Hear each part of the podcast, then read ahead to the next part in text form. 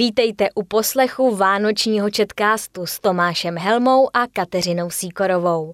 Ve Španělsku měli tradičně bohaté Vánoce. Celkovou částku 2,4 miliardy eur, což je asi 63,1 miliardy korun, si rozdělili Španělé v tradiční vánoční loterii El Gordo. Jejíž slosování se konalo v úterý v madridské opeře. Kvůli pandemii COVID-19 se poprvé uskutečnilo bez obecenstva. Každý los v ceně 200 eur, asi 5260 korun, může vyhrát až 4 miliony eur, což je 105 milionů korun. Dělí se ale na 10 kuponů s identickými čísly, takže lidé si obvykle kupují právě jen kupony, ne celé losy a mohou v takovém případě vyhrát maximálně 400 tisíc eur, tedy 10,5 milionu korun.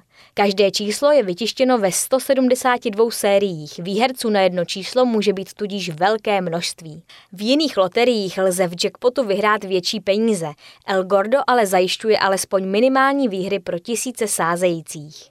Zároveň je španělská loterie největší na světě z hlediska výše celkové výhry.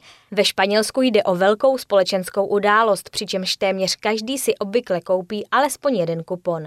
Slosování v madridské opeře, kde výherní čísla tradičně oznamují děti z madridské školy San Ildefonso, napětě sledují u televizních obrazovek miliony lidí. Loterie byla založena v roce 1762 a původně byla charitativním podnikem. Dnes její výtěžek putuje do španělské státní pokladny, z níž se financují investice ve školství, zdravotnictví či sociálních službách.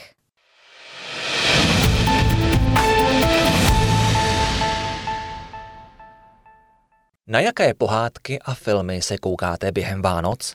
Nejpopulárnějším vánočním filmem ve Spojených státech je americká komedie Sám doma z roku 1990. Vyplývá to z výsledků průzkumu společnosti YouGov, kterého se zúčastnila více než tisícovka dospělých Američanů.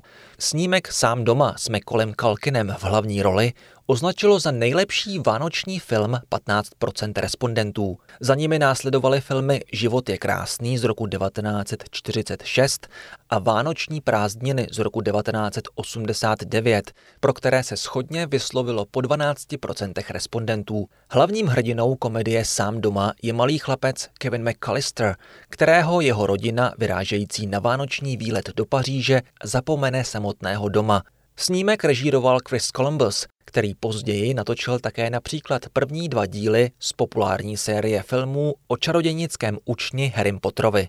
Do první desítky nejpopulárnějších vánočních filmů v USA se podle průzkumu dostal také akční thriller Smrtonosná past, ve kterém policista v podání Bruce Willise o vánočních svátcích bojuje v mrakodrapu proti skupině teroristů.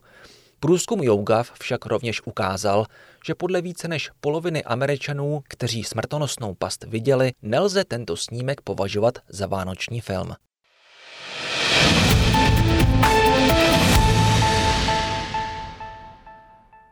Jaké dárky máte letos pod stromečkem? Možná hru s tematikou koronaviru. Ta totiž už existuje a stala se hitem.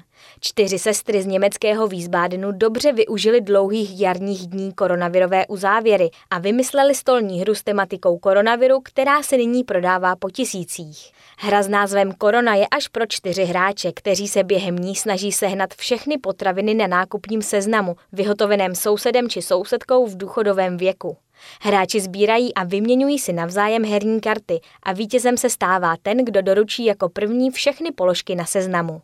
Hráči také musí překonávat nejrůznější překážky. Mezi ně patří kontakt s virem, který je pošle do karantény nebo zjištění, že úzkostní zákazníci vykoupili všechna balení těstovin nebo ruličky toaletního papíru. Základním principem hry je solidarita. Každý hráč se však může rozhodnout, zda bude s ostatními spolupracovat, nebo jim jejich úkol stíží tím, že jim zablokuje cestu virem, vysvětlili autorky hry.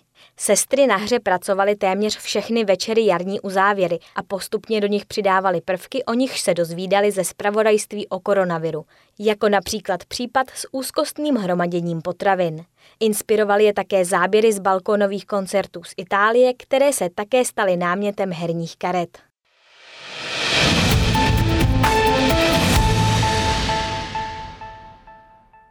Netradiční vánoční výzdobu mají věřící v Indonésii. Katolická farnost ve městě Surabaya v Indonésii vyzdobila svůj vánoční stromek ochrannými rouškami a dezinfekcí na ruce. Chce tak pomoci šířit osvětu ohledně pandemie koronaviru. Záměrem podle katolické farnosti je, aby si lidé uvědomili, jak je důležité dodržovat zdravotní pravidla. Stromek zdobili věřící hlásící se ke katolické víře společně s místními muslimy. Třímetrový strom, jehož základ tvoří bambus, vyzdobili stovkami barevných darovaných roušek a dezinfekcí na ruce. Zdobení jednoho ze symbolů Vánoc jim trvalo týden. V Indonésii jsou vánoční svátky dny pracovního volna. Nicméně oslavuje je jen asi 10% z téměř 270 milionů obyvatel země.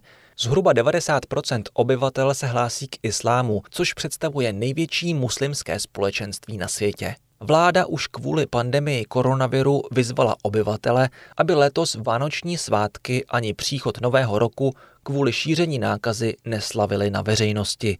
Indonésie je co do absolutního počtu infekcí i úmrtí v souvislosti s koronavirem nejhůře postiženou zemí jihovýchodní Asie.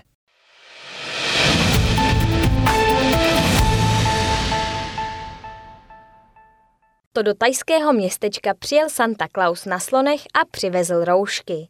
Santa odložil své saně, soby nechal ve stáji a namísto toho přijel do tajského městečka Ayutthaya na slonech. Jeho speciální vánoční návštěva měla zvýšit povědomost o hrozbě koronaviru a proto měli sloni na chobotech velké roušky, které už v běžné velikosti rozdávali z košíků jako dárky školákům, motocyklistům a řidičům projíždějících aut. Předvánoční sloní návštěva je v této oblasti tradicí už dvě desítky let. Obvykle sloni rozdávají chobotem dárky v podobě sladkostí a hraček. Letos si ale drželi sociální odstup a roušky nabízeli z košíků. Tajské úřady vyzývají obyvatele ke zvýšené opatrnosti poté, co se o víkendu potvrdilo nejhorší ohnisko nákazy od začátku epidemie. S trhem s mořskými plody poblíž Bangkoku bylo do neděle spojeno téměř 600 případů a další se do té doby objevily v desítce tajských provincií. To je z vánočního četkástu vše. Přejeme krásné svátky a u silvestrovského výběru zajímavostí se těšíme na slyšenou.